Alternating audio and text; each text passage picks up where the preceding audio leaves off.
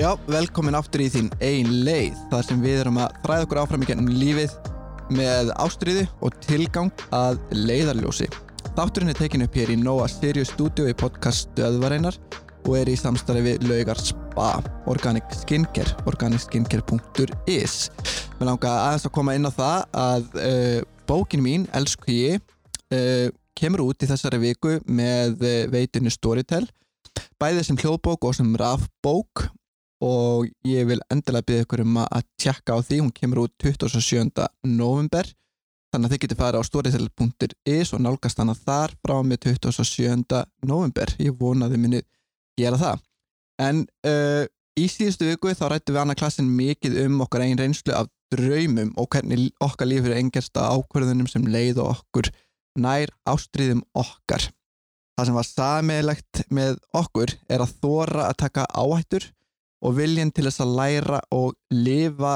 án eftir sjá. Það var svolítið svona einkennandi í spjallinu. Uh, í dag er ég með gest sem, hefur, sem ég hef þekkt í þó nokkuð mörg ár og stendur mér nokkuð nærri. Uh, en þessi maður hefur farið sínar eiginlegir í tónlist og að mínum að þegar hann tekur sér einhvað fyrir hendi þá gerir hann það að mikli heilnæmni og ákveðni. Uh, þetta er Máru minn hæfileikaríkur gítaristi með eindæmum uh, Reynir Haugsson eða Reynir Del Norte Já, reynir norðursins Reynir Norðsins uh, Reynir hefur spilað með hljómsveitum í gennum tíðina en hans ástriða í dag og helsta tólistasköpun er innan flamenco tólistarheimsins en einblásturinn sækjar hann beint úr suðupótti flamenco í Granada þar sem hann í rauninni býr en hann er mikið á Íslandi núna og, og hérna ég er heppin að hafa þið núna hjá mér og ætlum að spjalla þessum tólistina og um lífið og tilveruna og, og það sem drýfur okkur áfram þannig að velkomin, gaman að segja Takk að ég kærlega fyrir, kæri mágur þig. hvað segir þau? Herðu, ég segi nú bara allt býsna gott Já, var þetta ágætið skynning, var þetta ekki rétt hjá mér flest þetta? Jú, jú, ég held þú hafi bara komið inn á, inn á allt sem að máli skipti Já, Svona, svona, í, svona heilt yfir já uh, hérna, ég náttúrulega veit uh, alveg ágætlega mikið um þig en ég veit Jú. alls ekki allt uh, ég veit náttúrulega hvar þú fættist og hvar þú ólst upp uh, en ef við bara störstum þessu samtali þannig bara að þú, sk- ef þú segir mér bara aðeins frá bara uppeldinu og hvernig tónlistar áhugin bara almennt myndaðist hjá þér Sem barn þá já, bara í uppvexti Já, ég uh, er svo lánsamur að ég er fættur inn í stóra fjölskyldu Við Einmitt. erum í, í það heila átta semst fóraldra mínir og svo mm, svo erum við sex sískinnin Já. og það er, eh, aldurspilið á okkur er bísna breytt það eru hvað, það eru 19 ára milli elsta og yngsta mm, þannig að við tilherum, tilherum öll svona eh, singvari kynnslóðinni einmitt, og þetta er mjög gaman að alast upp mm, með marga inn á heimilinu mm, og maður lærir náttúrulega rosalega mikið af eldri sískinu sínum þau eru, náttúrulega þarna, sko, ef að munar sex árum á þér og eldarsískinniðinu þá er, þér finnst eins og þetta eldarsískinniðt sé orðið fullorðið einmitt þegar það er kannski orðið 11 ára gammal nákvæmlega þetta er bara svo lífsreind manneski hún er búin að gera svo mikið, hún kann Já. svo mikið hún veit svo mikið, já, þannig að maður er ekkert nema eirun þegar þau eru nálægt einmitt, nákvæmlega og þá sérstaklega þegar kemur að tónlist mm. voru þau mikið í tónlist el, eldri sískinni þín Já, við erum, sko, öll sískinin, við höfum öll lært á hljóðfæri. Við höfum Mm. öll farið í, sko, tónlistarnám. Og það er helst ég og svo yngri bróðum minna Jónas sem að höfum lagt þetta svona fyrir okkur, svona, hvað getur þetta, svona professional. Þú veist, hafa haft atvinna af því að spila. einmitt, En öll kunnum við að spila og, og það er píanu heima á hvanneri og, og, og á þetta píanu spilum við öll og, og, og mjög gaman.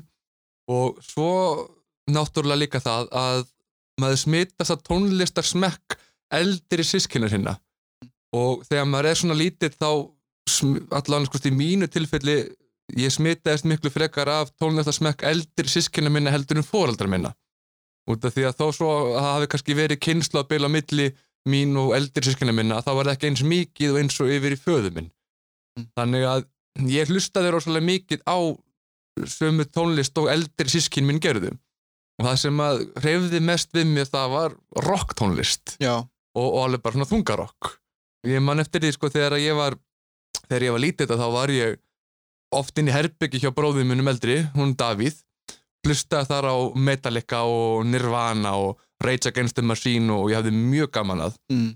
og svo fannst mér alveg magnað að sjá það að Davíð, bróði minn hann kunna spila öll þessi lög á gítar eða á píanó eða eitthvað svona, mér fannst þetta ótrúlegt Já, þannig að mín fyrsta inspirasjón í tónlist, það, það var Davíð bróðir, Já. Skemmtilegt, ætli hann viti það ja. hann veit að því Já. hann veit að því, en, en ekki Já. segja hann það, það geti stíð undir höfuðs Já, en hann heyri þetta örglað Já, kannski. Ok, þannig að það, þannig að það er hérna tólistar svona influence þarna bara innan fjölskyldunar strax frá upphafi Já, það, tónlist er einhvern veginn alltaf búin að vera í kringum mig Já. og, og, og líka sko ég, ég- ég las um daginn hérna einhverja svona skóladagbók sem að ég hefði haldið sem krakki Mm.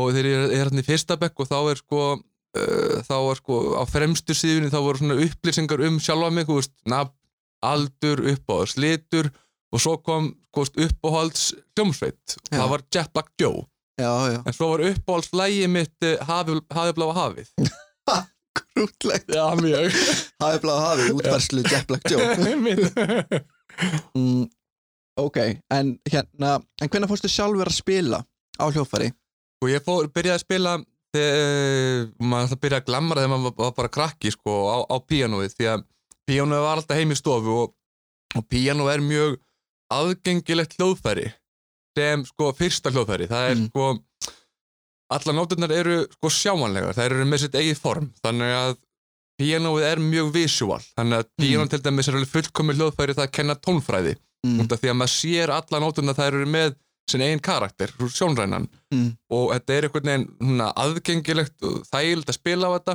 og mm, þetta hljómar alltaf vel mm. og maður, maður pressa niður nótu og hún hljómar mjög skýrt mm. svo þessum með gítarinn að það sko, maður þarf að vera svolítið handsterkur til þess að ná bara tónunum út úr því Mm. og, og, og fyrir krakka það verður þetta bara ofta tíð mjög erfitt Mm. þannig að fyrsta, pían, fyrsta hljóðferði sem ég lærði á það var piano Já, og fór hérna í, í tónlistanám í tónlistaskóla borgarferðar Já. og, og maður þeirra nokkur ár og, og tók nokkur stig á píano og fannst þetta mjög gaman og þegar ég er svona 11-12 ára þá fer ég að fá aðeins meira huga á því að spila á innan gítar já, og fekk það fyrst lánaðan gítar hjá Efu systur og hún átti gítar hún átti gítar, hún, hún, hún, hún spilaði á gítar og spilaði á gítar Já. fekk bara svona típiskan svona hérna, sexstringja þólaða gítar og, og spilaði svolítið á hann Mm. og, og fannst þetta svona gaman þetta var ekki alveg það sem ég var að pæli og svo, svo breytist það þegar ég fæ ramaskítar Ok, þá er ég meira komin inn á einhverja línu sem að, sem að ég svona fór að sem að ég var að fíla mm og ég byrjaði fyrst um sinn eitthvað í sko, tónlistanámi í tónlistaskóla á, á ramaskítar og, og var svona ekki alveg að tengja við það svo var það hérna strákur sem var í e, bændaskólanum á Hvanneri Já. var, var hérna, ég var í skólanum og mamma þekkt hann eitthvað Mhm. og vissi að því að hann væri flinkur á gítar og og hún talaði við hann hvort að hann vildi ekki kenna hún reynir litla á gítar og hann var bara mikið til í það og kennstan fór í raun og veru bara þannig fram að ég mætti með einhvern geisladisk með lögum með, með Iron Maiden eða Black Sabbath og, og spurði, getur þú kent mér þetta lag?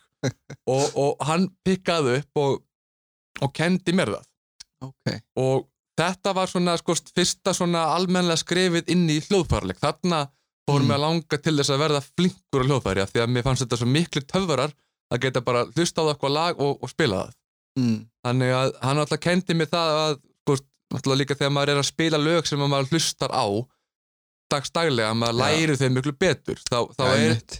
að því maður má ekki nálgast tónlist eins og einhverja einhver, einhverja svona hérna, mm, tónlist gengur ekki út á að leysa sjálfa sig þetta er Mm. ekki bara eitthvað dæmi sem á að ganga upp þetta er gleði mm, og Mm. gleðin kemur ekki fram nema að þú fýlir lægið mm, og ef þetta er eitt af þeim uppbólslögum þá spilar það betur heldur en eitthvað lag sem að þið finnst svona rétt sæmilegt mm, þannig að þann, það, og þetta einhvern veginn fór allt svona að hérna uh, ég fór að vera meðvitaður um þetta í tengslu við tónlistinu bara að, að keira beint á það sem að mig langar til að spila mm, og- áhugavert. og, og vera ekki beint að treysta endilega það á einhvern kennar á einhverja nótur til að læra það Þau- Skilji. þau eru öll bara aðgengileg á hljóðurutum á geistadiskum eða hverju sem er já, já, þannig að þessi maður, Gustaf hét hann, eða heitir hann Mm. hann var mín önnur inspirasjón í, í, tón- í tónlist já, já, já, um mitt. En þetta er mjög áhugaverð, sko, ég náttúrulega, ég hef, spila ekki alveg hófæri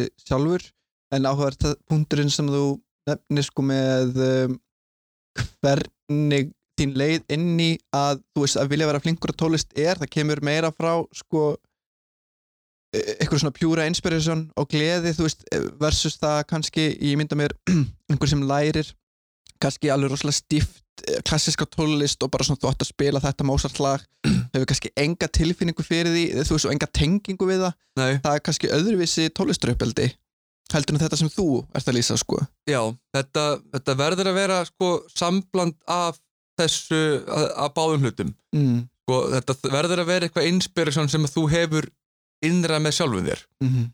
og ef það er ekki til staðar að þá er ekkert til staðar vegna þess að tónlist er gleði Mm. og hún gengur út á það að veita gleði samátt að við sem að tala um sorglega eða skemmtilega lög þetta veitir allt eh, þetta skapar allt einhver hughrif Um sem að færa mann yfir eitthvað ástand sem að maður kallar gleði ástand eða hamingu Mm. þegar maður hlustar á tónlist sem að maður sem að maður fílar, þá líður manni vel Um annað er einhvern veginn bara ómögulegt Um þannig að það verður að vera til staðar maður verður að tengja við lögin og maður verður að tengja við fegurðina í lögunum mm. og maður gerir það fyrst og fremst og þegar maður heyrir einhvern annan spila það Já.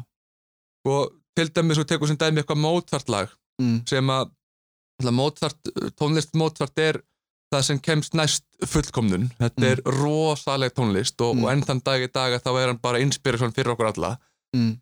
um, en ef þú sér bara búst, eitthvað lag uppskrifað í einhverja bók þú átt að komast bara í gegnum lagið að þá er þetta bara eins og eitthvað heimanám í starfræði Einmitt.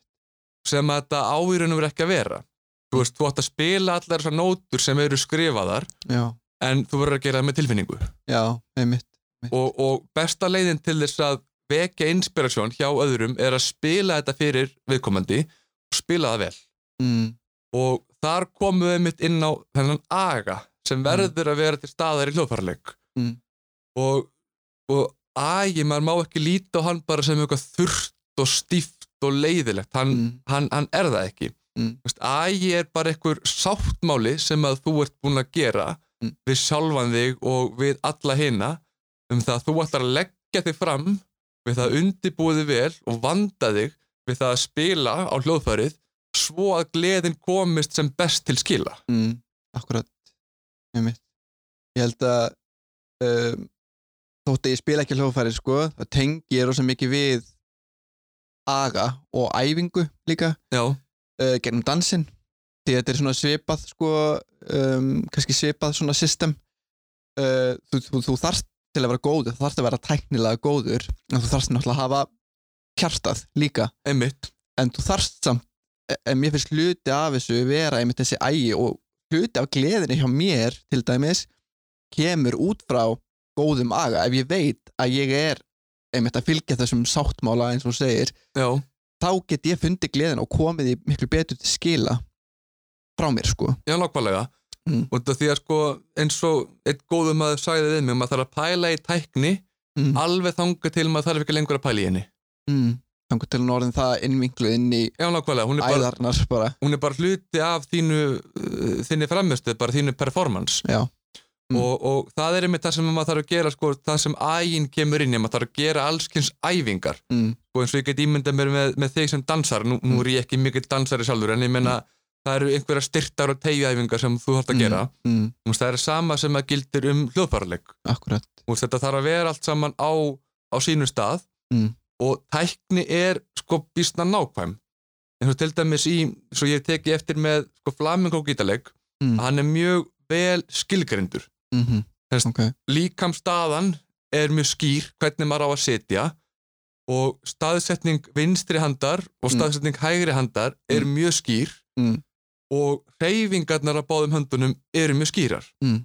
og fyrir vikið er sko ægin í flamengu hann er nokkuð, nokkuð augljós mm maður þarf að stíga inn í ákveðin pakka og maður þarf að vinna í ákveðinum aðferðum svo að það fara að hljóma vel og ef að hendunar er eitthvað furðulegur þá er þetta ekki að fara að hljóma Mm. og þar kemur einmitt ægin inn og þá Mm. er einmitt svo erfitt að þá er svo erfitt að miðlengurju Mm. ef að það eru nökrar í tækninni Mm -hmm.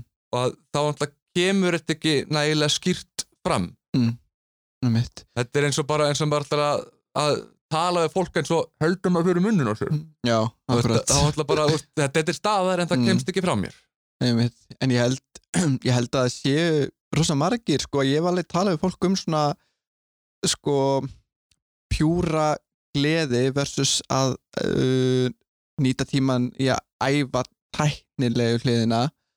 Uh, Sumir sko missa gleðina við að fara og mikið í eitthvað tæknilegt eða eitthvað aga út af því að þeim finnst að taka gleðina frá sér.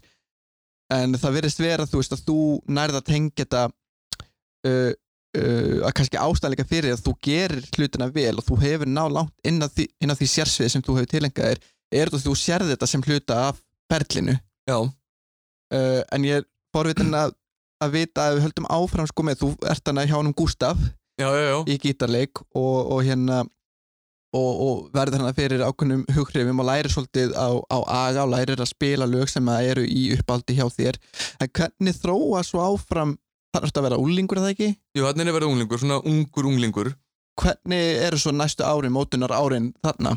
sko næstu árin, sko þá er ég hérna ætla bara þá byrjar tónlistin bara að heldtaka líf mitt Mm. og þá einhvern veginn fer svona hægt og rólega samt deila hratt og öruglega Mm. fer alltaf snúast um um gítarleik út af því að mér finnst þetta bara svo opaslega gaman Mm. og ég kom mér upp ágætis vana þarna sem, sem hvað, 13 ára unglingur það er það að við erum alltaf með hljóðfæri með mér Mm. og ég man eftir því að við vorum að fara í heimsókn sko einhvert fóraldra mínur tóku, tóku mig og yngri bróðum með þá tók ég alltaf gítari með Mm. bara svona til að spila, bara hafa gaman eins og þú gerði núna í eins og, dag eins og ég gerir núna, hann er, Já. hérna, hann er hérna við hliðina á okkur já, hann er, hann er aldrei langt undan já, og uh, þannig að það, uh, tónlistin byrjaði að koma rosalega stert inn í líf mitt og, Mm. og svo fór ég að stopna maður hljómsveitir og maður byrja að spila þessi lög með vinum sínum og, og Jónas bróðir hann byrja að læra á trommur hann að Mhm. við stopnum saman hljómsveit og spilum mikið af Iron Maiden lögum og Black Sabbath lögum og, og, og, og bara hvað sem er og Mhm. höfum gaman og æfðum mikið Já. og þannig að næstu árin einkennast bara svolítið mikið af þessu, bara vera að spila rock tónlist bara með hinum og þessum og, og svo manni líka eftir því þegar ég lendi í alveg svakalegri lífsreynslu þegar Ok. ég var sennilega svona já, 14 ára ætli það ekki þá var hérna semst, skóla hljómsveit í Kleppjórnsreika skóla að keppi músiktilunum já, og ég var nú ekki í þessari hljómsveit það voru, voru eldri strákar en, en það fóru nokkri bekkir með rútu að fylgjast með og svona peppa liðið og bara vola gaman bara fullu saldur af, af borgfyrtingum að stiðja Mm. sína menn bara mjög gott já, og það var þarna hljómsveit inni á, á þessu undankvöldi í músiktilunum ungi strákar sem voru að spila svona svolítið þungt rock, svona dauðarokk eða svo leiðis Já. og þeir sungu ekki, það var bara hljóparleikur Mm. þar var einn gítarleikari sem að var það góður að ég trúði ekki mínum einn eirum Já.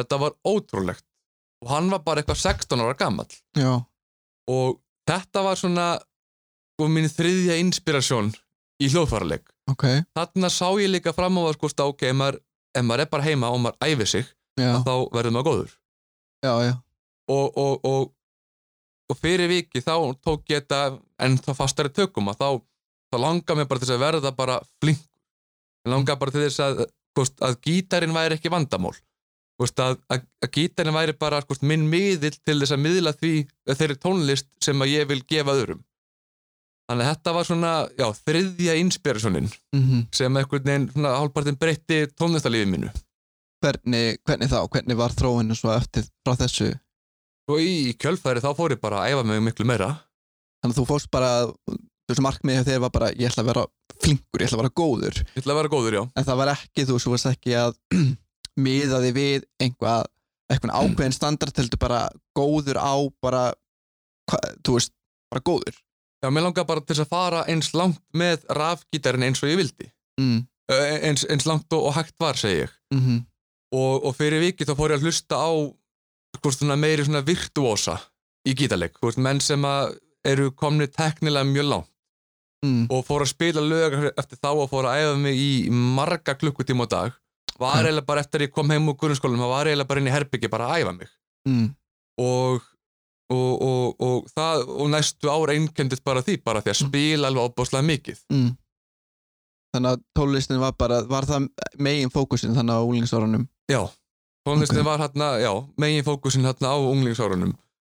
Svo hérna fer ég í, fer ég í framhaldsskóla mm og flist út á Akarnes Já, og fyrsta árið þar er ég að spila mjög mikið á hljóðfæri.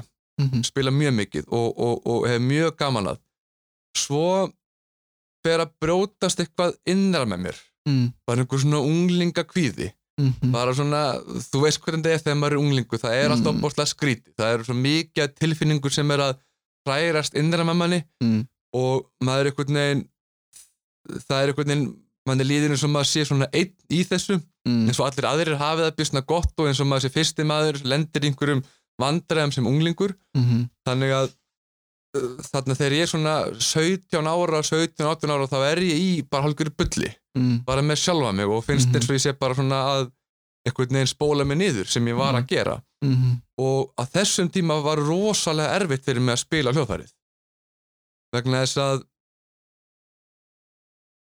allanlega persónlega ef að ég er í einhverju þjáningu að þá spila ég ekki mikið Nei, mér verður að líða vel það verður, allt Mhm. verður að vera nokkuð inn í lægi svo ég geti spilað almennilega hljóðfærið ef það er Mhm. eitthvað sem er að ángra mig þá ángra það mig sem hljóðfærleikara og þá Mhm. ángra það mig sem tónlistamann mhm, vegna þess að ég lít ekki á þetta sem aðskilin hlut það er ekki annars Mhm. vegar Reynir Hauksson þessi maður og svo hins vegar Reynir Del Norte einhver gítarleikari Þú veist, Mhm. þetta er sami maðurinn já, já, við mitt og þegar ég vakna á mótnana þá er ég bæði mm, af því þetta er, þetta er það sama mhm, Þannig að þegar ég er hérna sko já, svona 17 átjónar þá er ég í svolítið svona furðulegu málum og, og, og Mm. er ekki alveg sáttur við það svona hvernig ég er og, og finnst þetta allt saman svolítið skrítið mhm alltaf sé ekki bara hormonar eða eitthvað svolítið sem, er, Já, sem eru bara í ruglinu mhm, og svo kynnist ég manni þarna á Akarnesi Mm.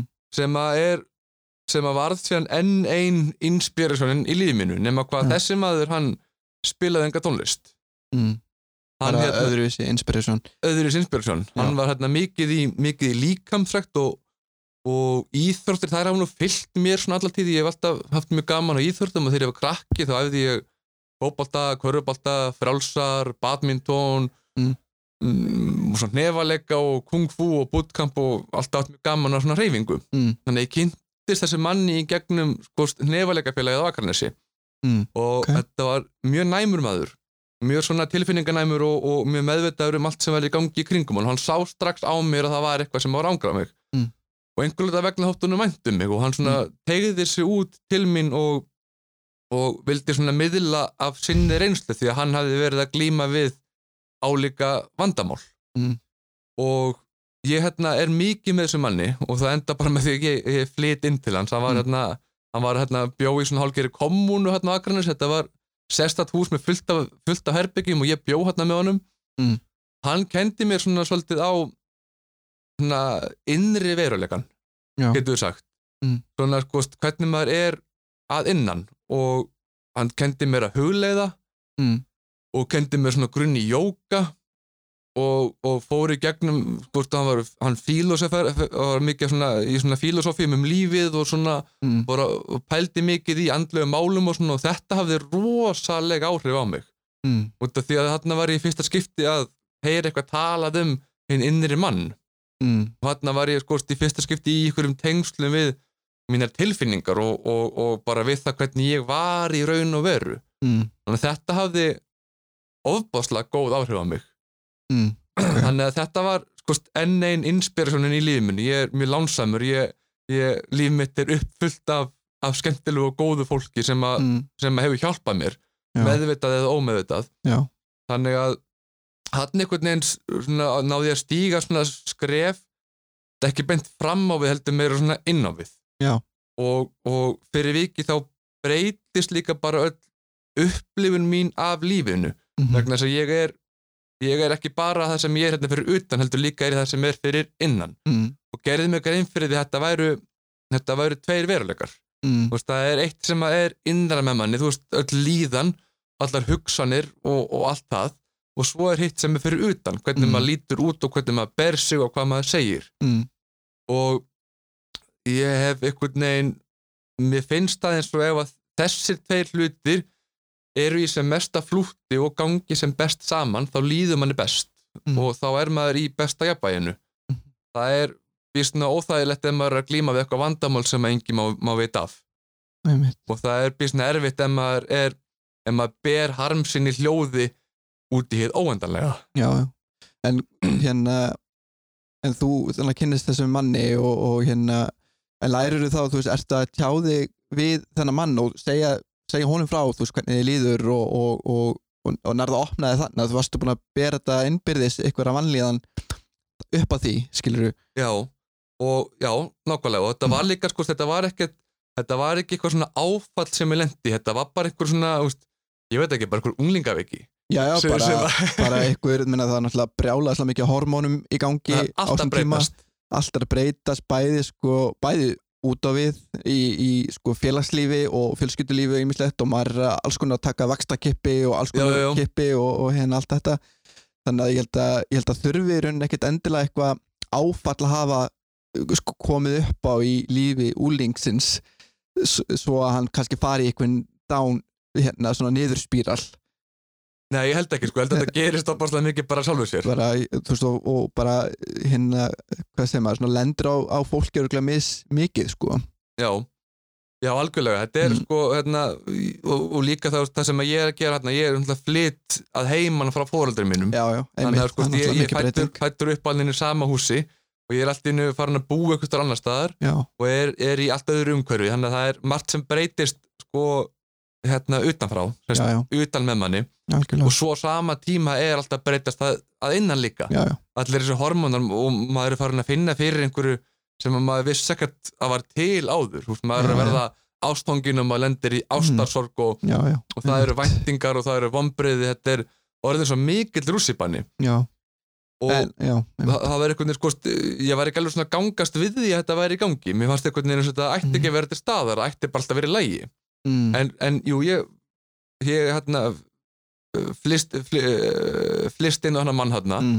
og er mikið með honum og fer einmitt að opna mig við hann og hann mig við sig, eða Mm. mm. sig við mig já, og við förum að ræða bara málin og, og, og ég fer líka bara svona að tala óhrættur um það hvernig mér líður einmitt og án þess að þurfa eitthvað, þurfa eitthvað að skammast mér fyrir það mm, og Einmitt. það til dæmis það hafði ofbáðslega góð áhrif á mig en hvað hérna, en frá því þá uh, þú veist, þú hefur vantalega mist og þegar þú varst, vorum að tala um tónlistina og, og þú hafi kannski mist pínu það á þessum tíma fannstu leiðina aftur svo í gegnum gegnum þetta ferli, þú veist, aftur að tónlistinni já, í, í kjölfæra þessu þá sko finn ég leiðin aftur að tónlistinni því að tónlist hún gengur út á þetta 100% mm, bara hvernig er þinn innri maður mm og, og, og sérstaklega í því sko það bara þegar maður er að flytja tónlist að maður, maður verður að finna fyrir henni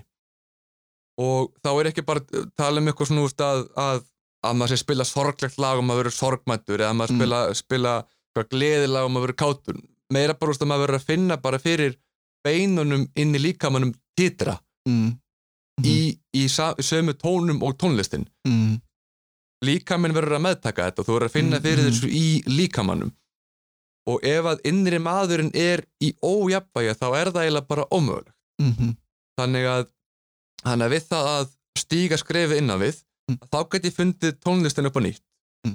en þá var líka allt saman breytt Já, upplýður þú veist, var ástriðan þín á tólist orðin uh, öðruvísi eða skilur þú veist, út í að ég sagði í byrjun að þú væri flamengo Já. gítarleikari, þú veist, ég er að hugsa sko, breyttist eitthvað, skilur, var ástriðan þín orðin öðruvísi?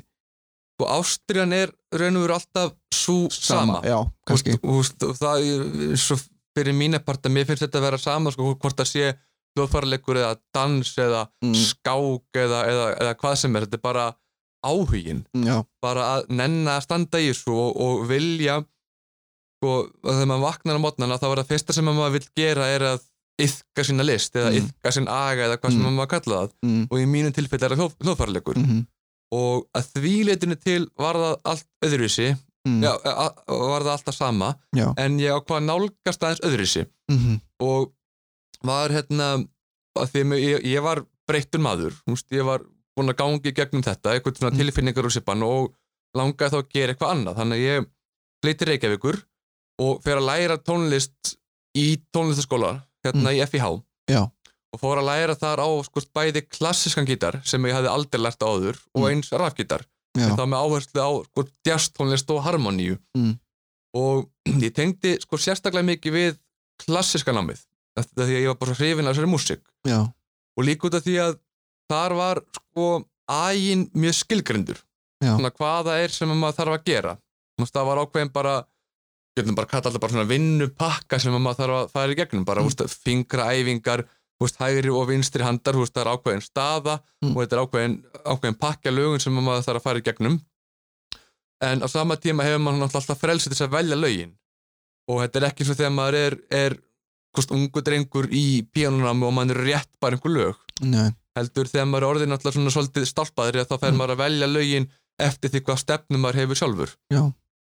og þarna langaði mig til þess að kunna almennlega á tónlist ekki bara sko á eitthvað eitt lóðfæri heldur mig langaði til þess að skilja bara þú veist, innviðin í tónlist mm, og sennilega er það út af því að ég hafði stíið eitthvað skref inn á við mm, í sjálfa mig mm, og þá fór ég að hafa meiri áhuga á því að stíga skref inn á í við í Mm, tónlist mín viðfangsefni já, og í Einmitt. þessu tilfelli var það tónlist akkurat þá langaði mig að kynnast tónlist bara innanfrá, bara hvernig Mm. er hvort- hver, hver eru máttarstólpanir í tónlist mm, og það er einmitt svo merkilegt það að sko, þegar maður stígur og skrefið innan við inn í tónlistina Mm.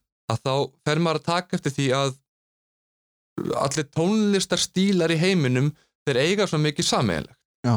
þetta eru, þetta eru þrýr máttarstólpar Mm. sem að maður þarf að kunna, skilja fíla og framkvæma það Mm. er í grunninn rithmi mm mhm, bara taktur, hrínu, sama hvað maður kalla það bara það er grunnurinn í allri tónlist Já. vegna þess að þetta er tíminn í tónlist, því að Mhm. tónlist er tími mhm, tónlist er ómöguleg án þess að hafa líðandi tíma Mhm. þannig að rithminn kemur fyrst mm, og maður verður að fíla hann og þú tengir nú líka við rithmann út frá dansinum Já.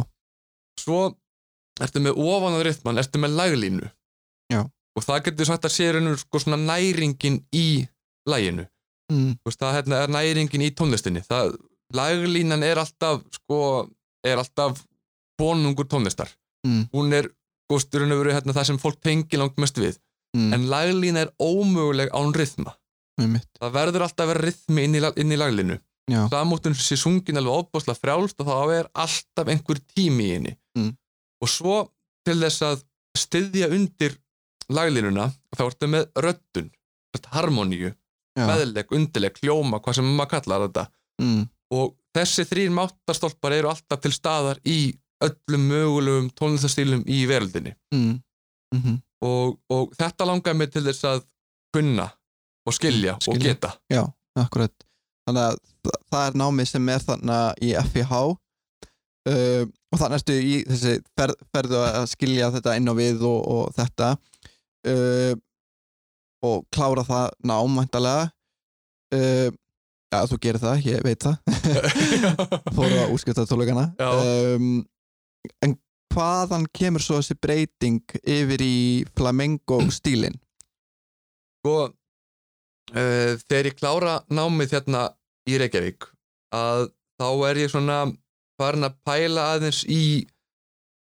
uh, aðeins farin að pæla í því svona hvað, hvað ég sinna á að gera mm, og þarna var ákveðinu þarna var á, ákveðnum hlut lokið hérna í Reykjavík og þetta var búið, ég fluttist til Reykjavíkur Já. til þess að læra í FIH Já. núna var námi búið Já. og ég var svo sem ekkert eitthvað með neitt alveg ekkert eitthvað að skýra hugmynd um það hvert ég ætla að fara með tónlistin ég hef búin að Mm. pröfa ábáslega mikið úst, ég hef búin að vera í nokkrum hljómsveitum ég hefði gefið út nokkra plötur og, og búin að gera mikið af allskinn skemmtunum hlutum en það er uh, ég er býstna forvitin maður myndi ég halda, Hvort, það, er, það er forvitni innra með mér og mér langar til þess að fara ekkert og skoða hluti Mhm. mm, og mér langar til að skoða þá innanfrá Mm.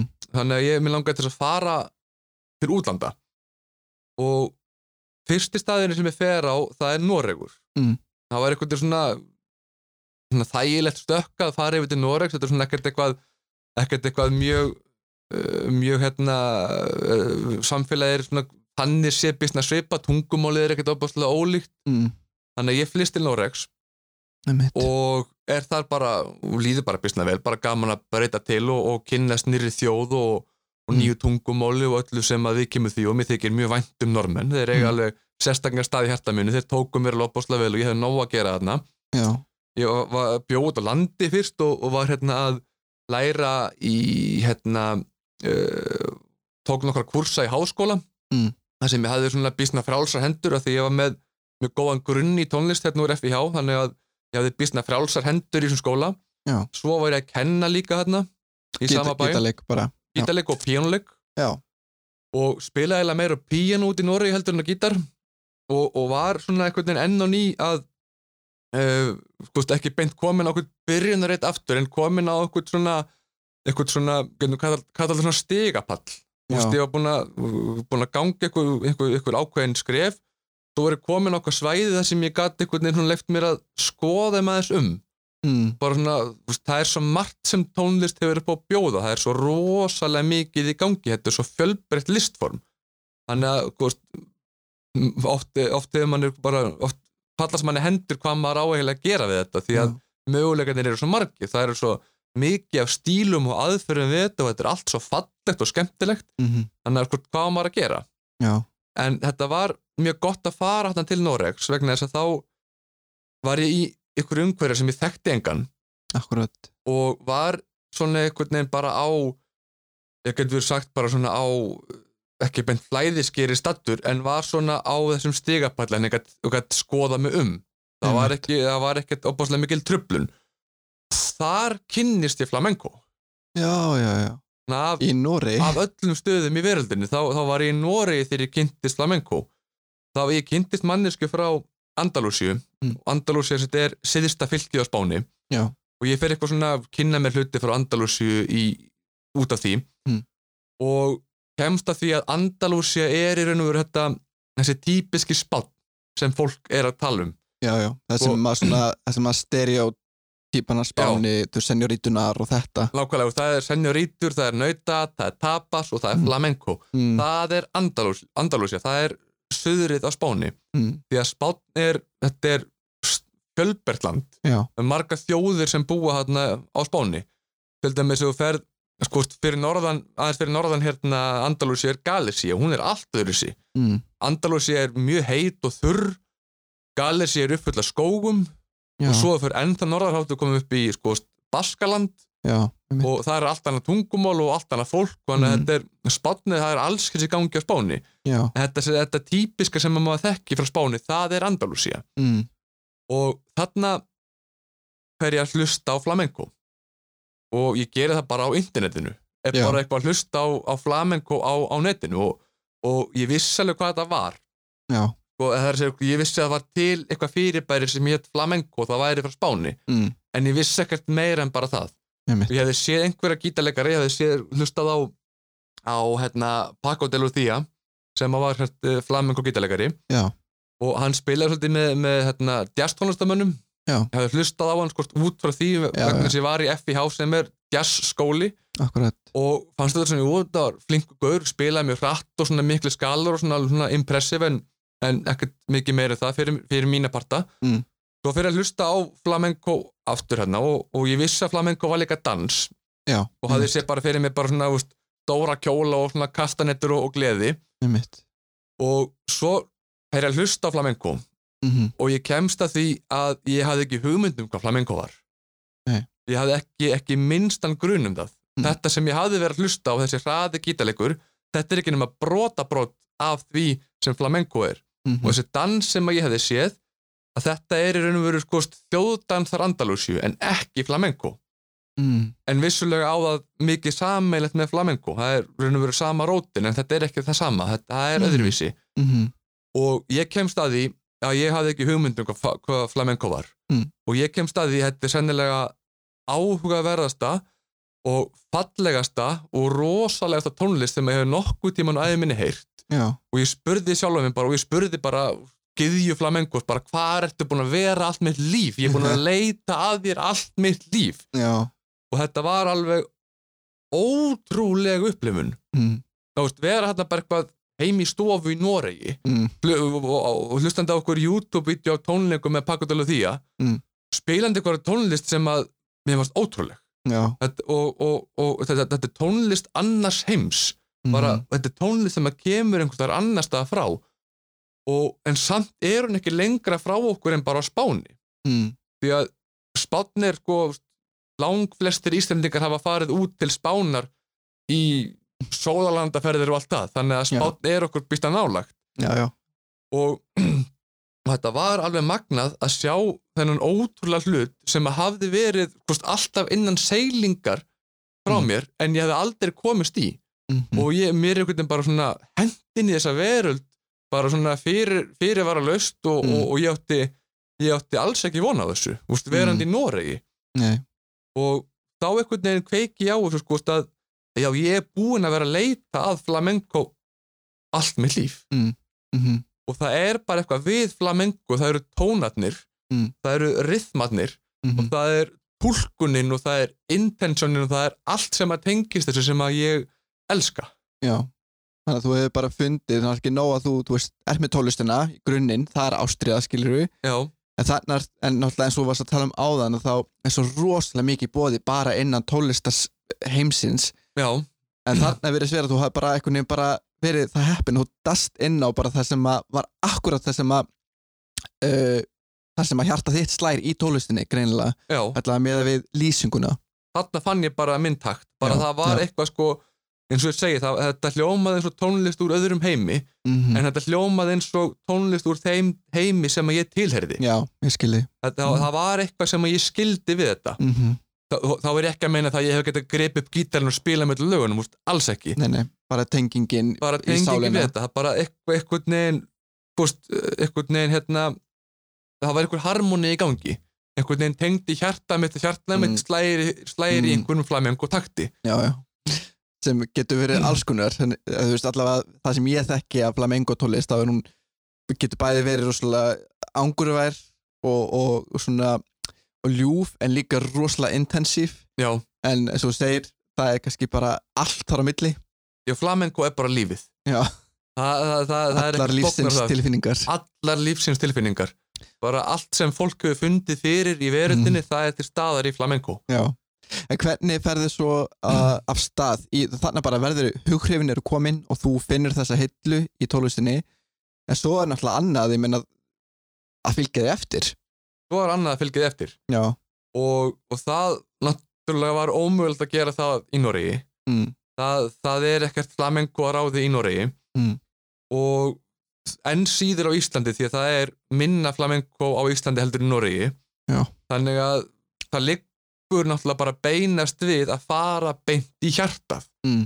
það er það eina sem að maður á að gera því að það að læra það að læra tónlist er eins og að læra tungumál Mm. þetta, er, þetta á ofbáslega mikið sammeilegt sko, veist, maður þarf að vera með einhvern orðaforða sem er náttúrulega bara uh, orðaforði tónar bara við sko, veist, bara efniskrá eða bara lög sem þú kann Mm. svo skemmir ekki fyrir að læra sko, einhverja málfræði sem er bara svo tónfræði Mm. og svo þú ert komið með sko, hérna, skilning og tilfinningu fyrir hvort orðaforðanum, orðaforðanum og málfræðinni bara hvernig þú beigir og sveigir tungumálið þá getur þú farið að spinna Mm. og spuni er bara eins og samræður og Já. allar samræður eru spunnar það eru Mm. ekki ákveðna fyrirfram einmitt. en til þess að geta spunni þá, þá verður maður að vera með einhvern orðaforða og Mm. maður verður að geta sagt frá einhverju akkurat þannig að til þess að læra til dæmis spænsku að þá er eina viti að fara til spánar já, Þar, eða, til einhvers land þar sem töluð er spænska til dæmis og Mm. gæti farið til Suður-Ameríku akkurat það sama ávið um flamenco flamenco er þetta er miklu meir en bara tónlist þetta Mm. er tungumál, þetta er lífstíð þetta er, þetta er, þetta er, þetta er tilfinningar þetta er, Mm. þetta, er bara, þetta er bara þú mm. þú sem bara mannvera Mm. þannig að maður þarf að fara á það svæði þar sem fólk er svona já, þar sem fólk lifir flamenco mm. lifir og andar frá sér flamenco Mm. Þannig að ég fer til Andalusíu og ég fer til Granada sem að er hérna ein af, ein af og svona, þú getur sagt svona höfuborgum Andalúsi, þetta eru og það er Sevilla og það er Cordoba og það er Malaga, það er Cadiz og það er Granada. Þetta eru svona stærstu borginnar í, í Andalúsíu Já. og allstar í Andalúsíu er mikið flamenco. Já. Það er breytilegt svolítið eftir svæðum, það eru svona svolítið mismöndi stílar en þetta er allt saman sami kjarnin. Mm. Og þarna vilja flamenco vera Já.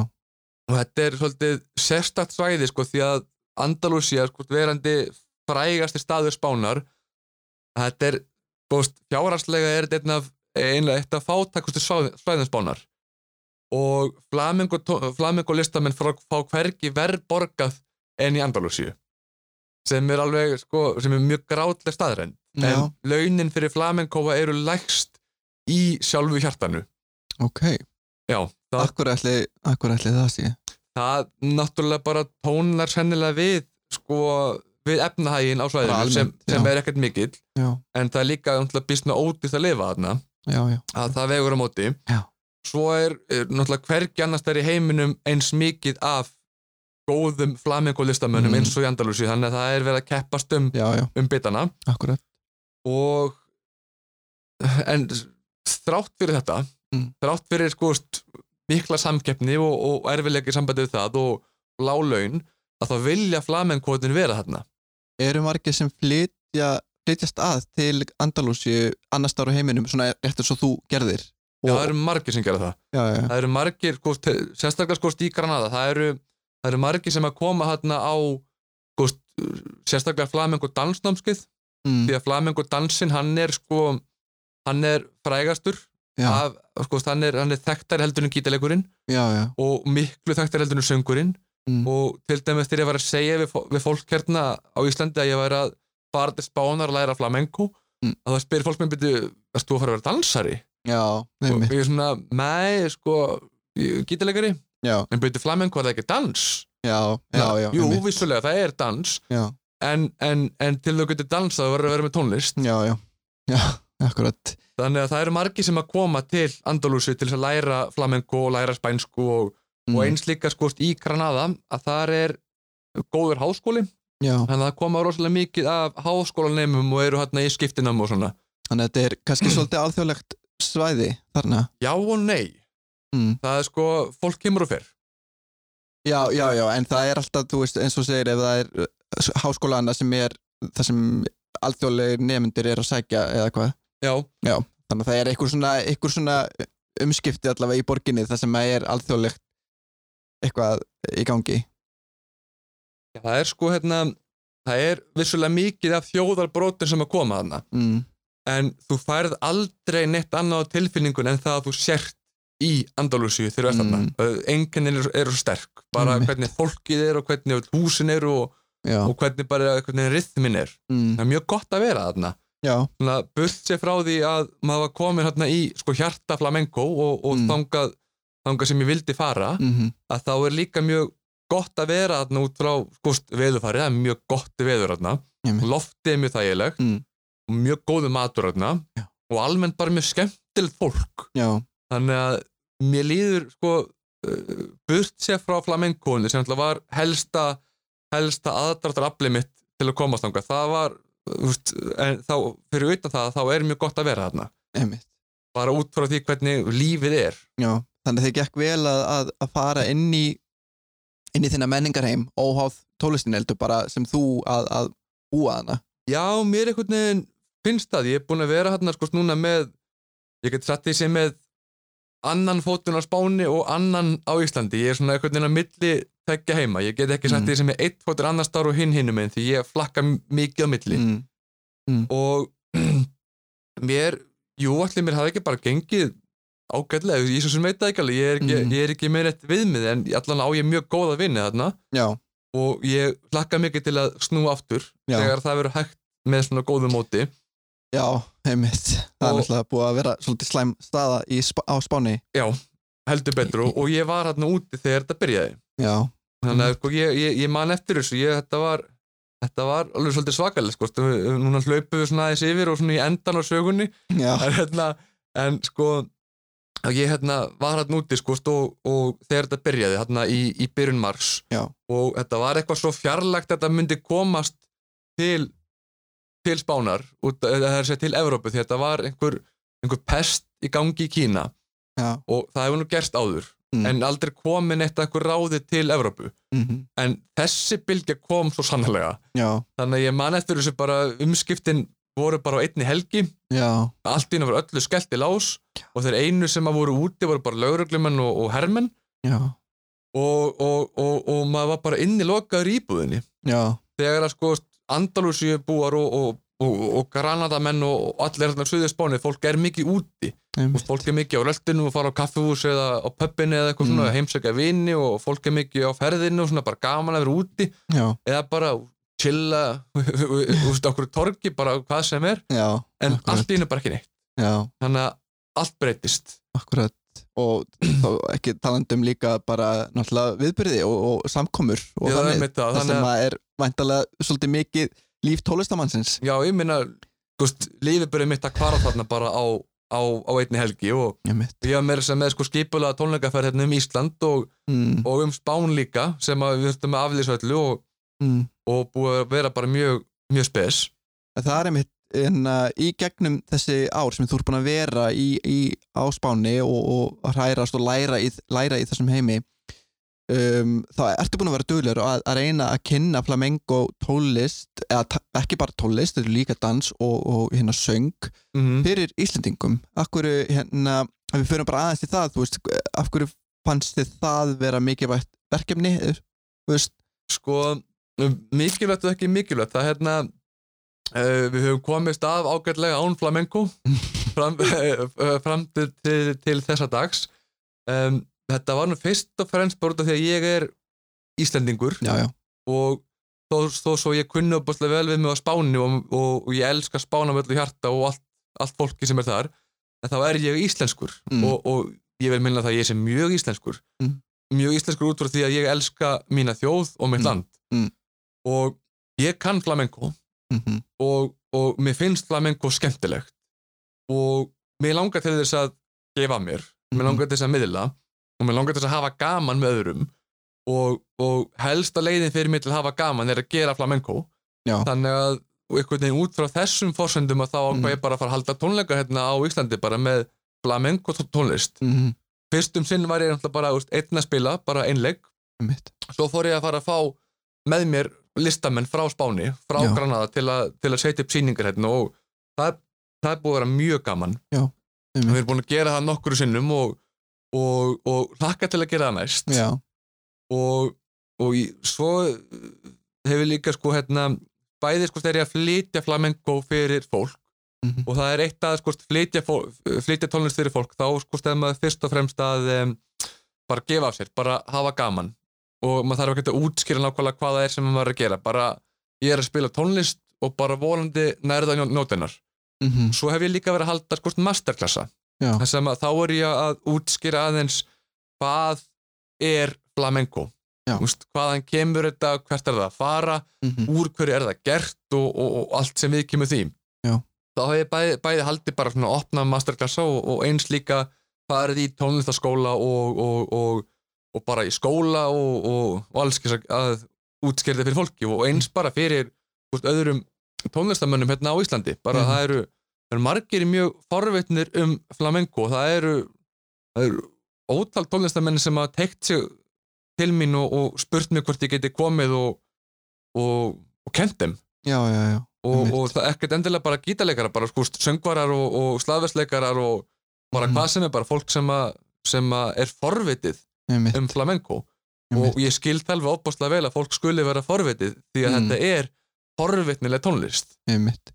og eins sko uh, fólk náttúrulega þekkir dansinn fyrst og fremst hann er svona, hann er náttúrulega langmest ábyrjandi því að dansari sko, dansari stelur alltaf senninni, það er Mm, bara er eðli dansar og þeir eiga að gera það mm, þetta er sko, manneska sem stendur upp á sviði hún er að nota allan sinn líkama Mm. í það að búlka sína list já, og, og miðla, miðla sinni ástriðu Mm. og það er svolítið erfitt að keppa við það dansarinn hann er, sko, hann er hann sjálfur já, búst frá kvirli til ilja já, já og hann er allur í dansinum einmitt, það er ekki bara að hann er hvort að, að söngurinn sé að titra heldur hvort dansarinn úr tætna reyfast og Mm. allt saman er einhvern veginn bara á, á flegiferð einmitt. þannig að dansinn hvort vissulega hefur hérna mesta aðdáttaraflið og líka út af því að þú ert að nota þinn eigin líkama og það er náttúrulega svolítið hvort aðgengilegt Mm, skilur frekar en til dæmis að fara að læra söngin því að þá ertu að kunna spænsku líka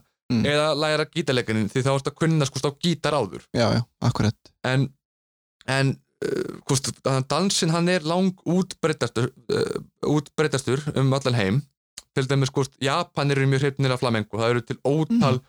dansakademjur á í Japan held, og, Ok, og mér skilst það einmitt að skemmtilegt það séu það séu til fleiri dansakademjur flamenco dansakademjur í Japan heldur en á Spáni Vá, þetta segja þér mér forvinnlegt já, mjög svo eftir því þá kemur gítalegurinn Já.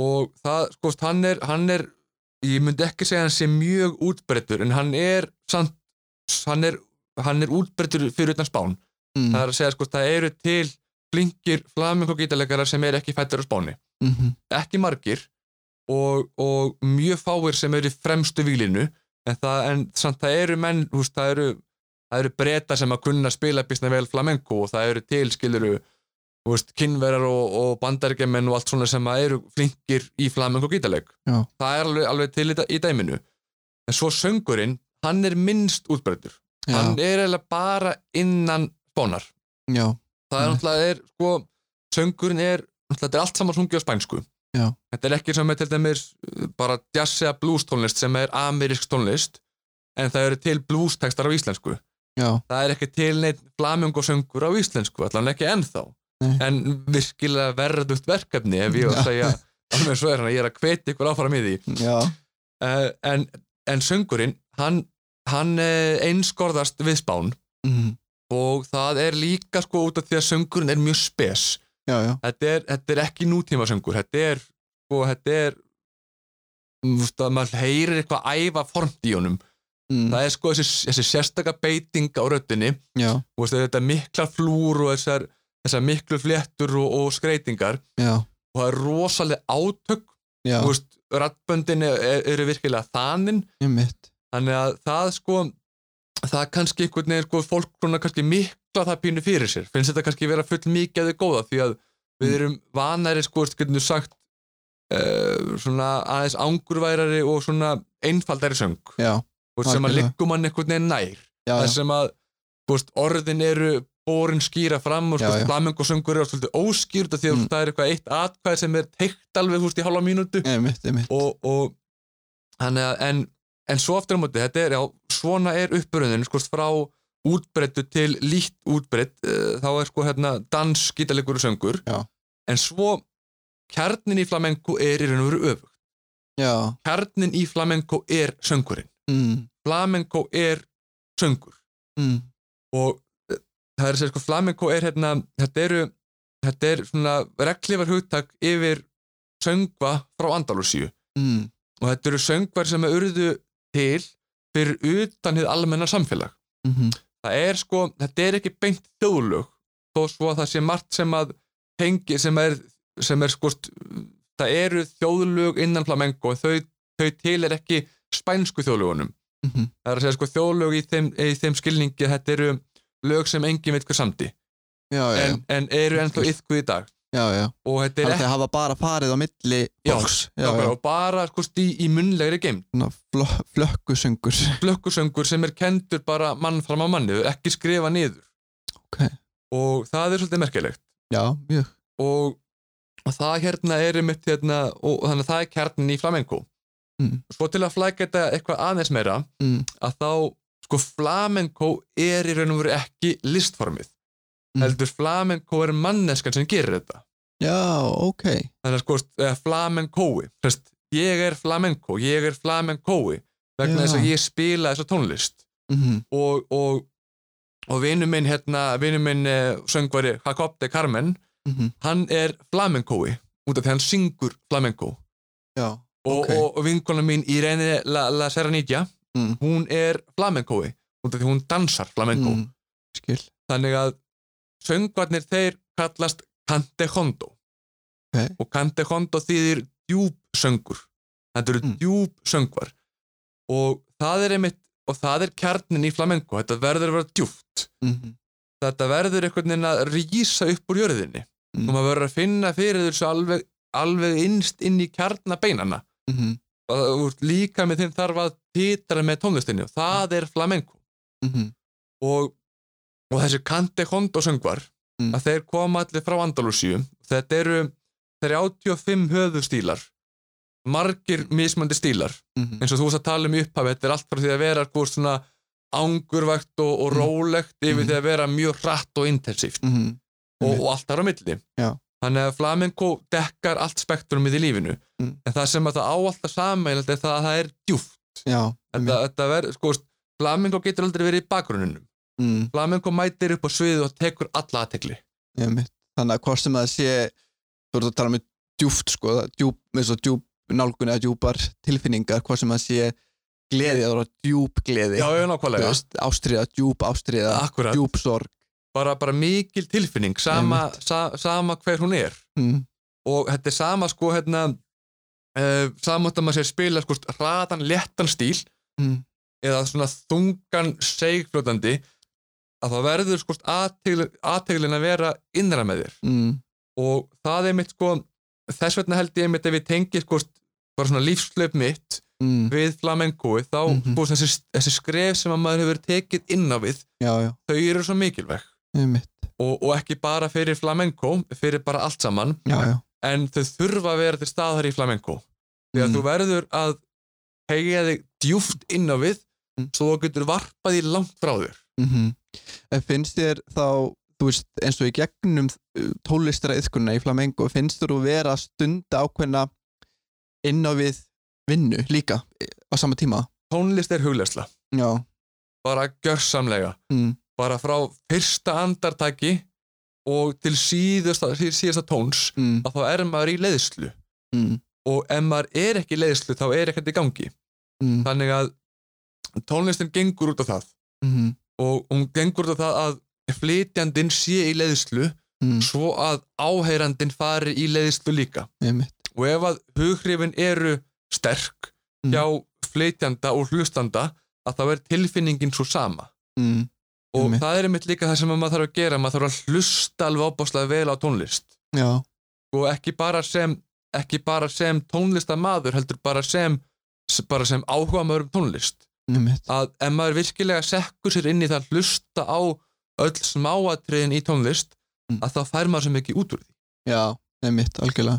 og, og, og þá er ég, ég er ekki að tala um þetta út frá því að maður þurfi að hafa eitthvað svona eitthvað mikla þekkingu á tónlist eitthvað svoleiðis, þetta, Mm. mm. þetta er bara bara mín ráðlegging svo að Mm. maður fái sem mest út úr því að hlusta að maður algjörlega. sé ekki að pæla í einhverju öðru Einmitt, ég held að, hérna, ég held að fólk almennt gæti haft gott að ég þarf að hlusta núna að, að hérna, næst að ég setjið á tólist bara á Spotify hvað sem er að, að vera í því augnabliki og, og hlusta virkilega á uppahálslægið ykkar með öðrum hætti, prófa að hlusta með, með, með aðtikli og svona, ég held að það tengist líka bara um, uh, hvað segir maður þetta típiska svona núvitund Já, já, já. uh, að vera, uh, vera til staðar það sem maður er og, og vera til staðar í því sem maður er að taka sér fyrir hendur um, en hérna ég ætla að koma inn á það áðan um, og því við við erum búin að tala mikið um sko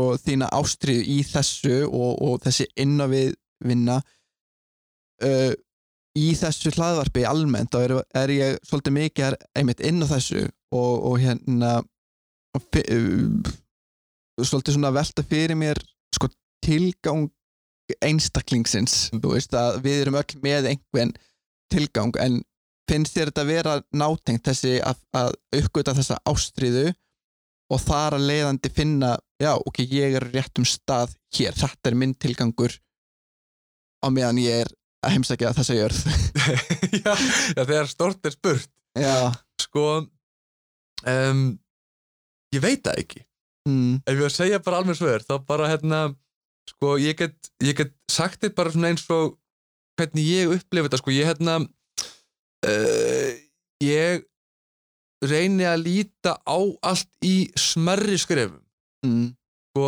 ég pæli ekkert rosalega mikið í mínum til, tilgangi í lífinu því að þetta er svo stórt dæmi mm, þetta er, þú veist, við erum að tala um allt lífið Mm. og, það, hérna, og, og tilgangur það er svona, jú, tilgangur að vera til einhvers að ganga upp í eitthvað, mm, þú veist það er alltaf, fyrst og fremst er okkar tilgangur bara að sko, að valda ekki ónæði, óþarfa Mm. og vera góður við annað fólk mm, Mm. og það sko hérna það að vera góðu við annað fólk og, og, og, og vei, reyna að veita gleði og, og reyna að gefa af sér Mm. það myndi ég segja að væri einhvern veginn svona tilgangur okkar allra mm, og einmitt. maður á að leita sér að einhverjum leiðum til þess að geta gert þetta á sem mestan og bestan hátt mm, án þess að maður sér eitthvað svona upp á þrengjandi og maður sé alltaf einhvern veginn að gefa og gefa og gefa af sér mm, bara að maður einhvern veginn finni finni eitthvað sem að maður vill gera mm, og maður reynir að fara með það eins langt og maður getur akkurat svo að þetta, svo að maður sjálfi njóti tilverunar Mm. og svo að aðrir geti notið henni notið hennar með manni akkurat það myndi ég segja var einhvern veginn svona þannig líti ég á það á, á- þannig líti ég á tilgang minn hérna í lífinu mm, mm, svo eins líka bara að líta á tilgang í sko bara smerri skrifum ég minna þú veist það er mm, ágættist tilgangur bara það að ná sér fram úr, fram úr rúminu mm, á hverju mótni, þú veist það um leið algjörlega að maður er komin á fætur að þá er þá er maður búin að yfirsti einhverju hindrun og maður er komin í gang og akkurat svo veist ég minna næsti tilgangu getur hennilega bara verið það að nærast einmitt þegar sko veist, ég minna það er það er alls ekkert sjálfgefið allstaðar í öllum Mhm. heiminum að maður hafi morgumat einmitt þannig að bara það að, að nærast á mótnana það er viss tilgangur og þú einmitt sér það hérna sko fyrstu, fyrsta korterið í vökunni þá er maður búin að gera ótaf hluti maður er búin að koma sér fram úr, maður er búin að Mm. klæða sér maður er búin að búa um rúmið maður er Mm. sestur inn í eldu sem farin að borða mm, þannig að þarna er komin ákveðin tilgangur bara með upphafinn í deginum einmitt og ég reyni að líta á þetta bara svona í mm, bara svona smáskrefum akkurat og, og ef ég er að pæla of mikið í einhverju sem er ekki til staðar þá er Mm. ég ekki lengur í tengslum við sjálfan mig akkurat skilur, þú veist, ef ég vakna, mót, uh, vakna á mótnana og ég er kvíðinn fyrir einhverju sem er að fara að gerast í næstu viku, það þetta er ræðilegt. já Þetta er, þetta er, þetta er gjörsamlega ræðileg tilfinning og þá er Mm. maður virkilega í fangelsi mm, og þá einhvern veginn hefur ekkert vægi að hafa, hafa risu og rekju og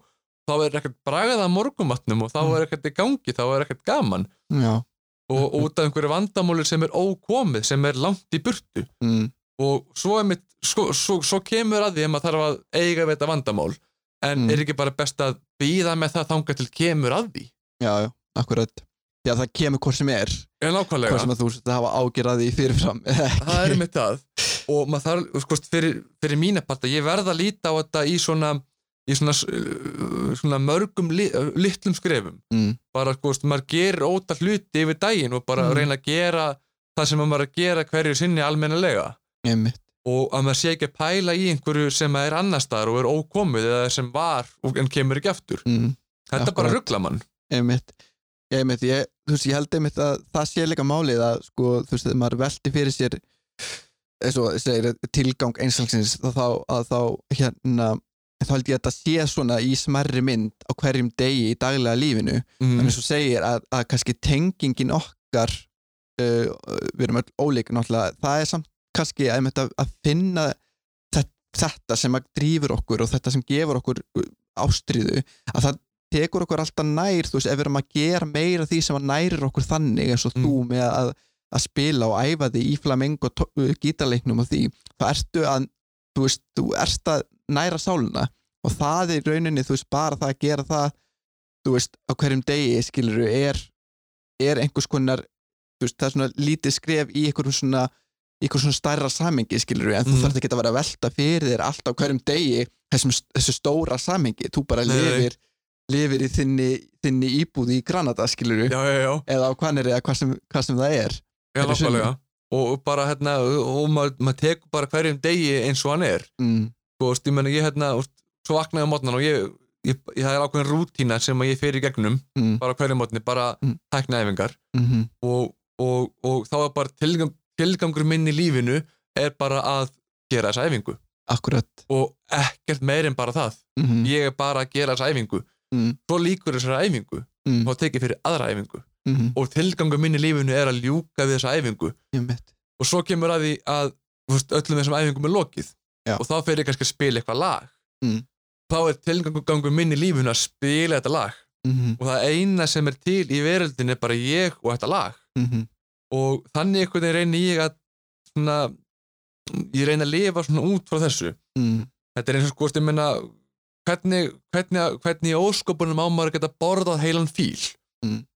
einn munnbytta í einu Já, einmitt. bara eins og maður borðar einan samlóku bara einn Mm. mm. munnbytti í einu Mhm. þannig saksa maður á það Einmitt. því að, sko, jú, jú, vissulega er maður með sko, einhver svona markmið, einhver sem maður er svona þannig sé að stefna að, Mm. en maður má ekki hanga svo mikið á það Mm. því að það getur svo margt breyst Mm. til dæmis, sko, hefði einhver sagt þið mig fyrir bara, bara fyrir fimm árum Mm. reynir, þú ert að fara að flytja til Spánar mhm. Já, að læra flamenco, Ég svona, já, ok, það er ekki bara Mm. þú veist, ég hef aldrei trúa því, en svo einmitt. kemur að ég, að ég geri það Einmitt. þannig að maður verður einhvern veginn að vera með maður verður að hafa tíma aflögu í lífinu svo að svo maður geti fundi fyrir töfrum lífsins Mm.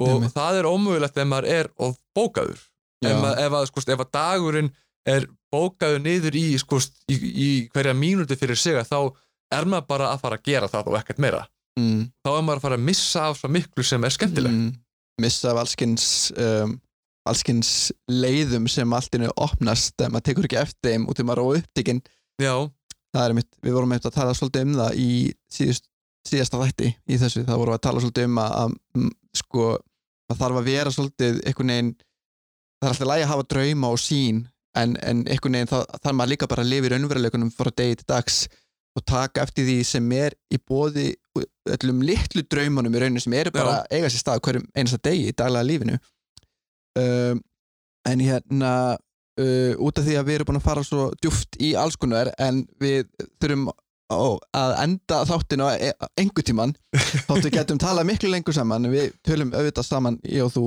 uh, aftur, ég veit það já, já, kemur að því, já uh, hérna þetta er búið að vera mjög áhugavert sko. sérstaklega líka þessi, þessi tenging við þessi, þetta inn og við spektrum og, og hérna en út af því ég, mér langar alltaf að enda uh, hvern einasta þátt á hverju svona þrem spurningum og, og þú getur svarað þeim uh, annarkvæmt með einu orði eða einu setningu, þú bara ræði því hvað sem ég finnst á við Já. uh, ef þú gætir ekki spilað á hljóðfari hvað heldur þú að þú værir að elda sig í lífinu, hvað værir að gera Ég veit það ekki veit það ekki, ekki hugmynd þannig að hljóðfari og hljóðfara leikur og tónlist það er stór hlutaður, þú getur, það er bara getur ekki tónlist bara líf mitt ef, ég, Já. ef, ef, ég, ef ég hef það ekki, just, ég veit það ekki mm, en værir að syngja já, ég meina það ef, já, þú veist, ég syng hvort þið er þannig að ég ábygglega, þú veist þú veist, ég veit það ekki maður ég, Nei. Það er alltaf leið, þú þarft ekki að vita, sko, þetta er ekki próf En að þú ættir að, já, hérna reyndar setja ég pressu á eitt orð Hvaða orð lýsir flamenco tólist best? ljós Ljós Ó, ég, ég held þú myndi kannski segja hérna dýft eða eitthvað Já, ok, ljós, það er fallegt líka uh, Já, við erum kannski svolítið búin að dekka þetta en ég ætla samt að sko finnst þér finnst þér mikilvægt að hafa s- hafa sín og markmið í lífinu ef þið finnst það þá máttu segja af hverju sko um, á, ég, á ég að svara þessu með einu orði Þú mátt það, ef þú, ef þú finnst að geta það nei, ég get það ekki Nei, sko, uh, jú, sín og markmið kost, fyrir fyrir mér finnst mér opbáslega mikilvægt að lifa svona hálpartin í draumaveröld mm. það er að segja sko að vera móttækilegur fyrir höfurum lífsins Mm -hmm. og það finnst mér einhvern veginn vera markmið með hverjum degi það að hámarka töfrana hverju sinni Mm -hmm. og tónlist er alveg opbáslega gagleg Mm. í, í, hérna, í því samhengi Mm. vegna þess að um, tónlist eru töfrar Mhm. og ekkert meira þannig að ég myndi segja þess hvort að markmið mitt hverju sinni er að hámarka töfra og hámarka gleði og, Mhm. og láta mér og öðrum líða vel um mitt uh, hérna ef að fólk vill fylgjast með þér bara núna ef fólk er að hlusta ef fólk vill, þú veist, vita meira um þig og bara vita hvað, þú- hvers konar tólis þú ert að gera þú veist, hvað er best að nálgast þig og fylgjast með þér sko, alltaf lítið um tónleika akkur þessu er já, en hérna fólk, ég er nú með einhver svona einhver vídeo á YouTube mm -hmm, þið finnið það undir annarkvort Reynir Del Norte eða Reynir Haugsson mm -hmm, svo er ég svo er ég vist með eitthvað svona, jú, ég, ég er með Instagram líka, já já, já, það finnir bara það reynir hvað heitir náttur? Jú, heitir reynir flamenco, Mhm. reynir, já, já, já ok svo er ég með svona Facebook síðu og hérna, hann getur tjekkað á því og svo bara, ég menna ef fólk er forvitið um flamenco, bara hafa samband og mm bara ég er til í að skalla og, og, og, og gera flamenco hvenna sem er, ég, ég hvort er að gera allan daginn, hann er Já, bara, tjekkið á mér algjörlega, algjörlega nei, það er bara um að gera og hérna og, og, uh, og við bara hlökkum til og vonandi fáum við flamengo síningu aftur á Íslandi já, það segja Bráðum. með þér það var ég bara út af því að það, hún gæti ekki orðið að veruleika í ár nei, þannig að hérna um, en, uh, og þið getið fylgst með þessu hlaðvarpæsjálsu bara með því að fylgjast með mér á Instagram og á Facebook, það er bara friðrikagni uh, en ég held að sé algjörlega við hæfi að, hérna, að við klárum hérna viðtalið með svona smá tónum af flamengo Já, fyrst er að þú það ert í ekki? gítarinn er það ekki þannig að þú mátt endilega bara uh, loka, loka þessu hérna, spjalli með, með flamengo heimi Já, náttúrulega langbest alltaf skúst að, að hérna, í staðin fyrir að tala um tónlist að, að, að gera tónlist, það virkar Já. miklu betur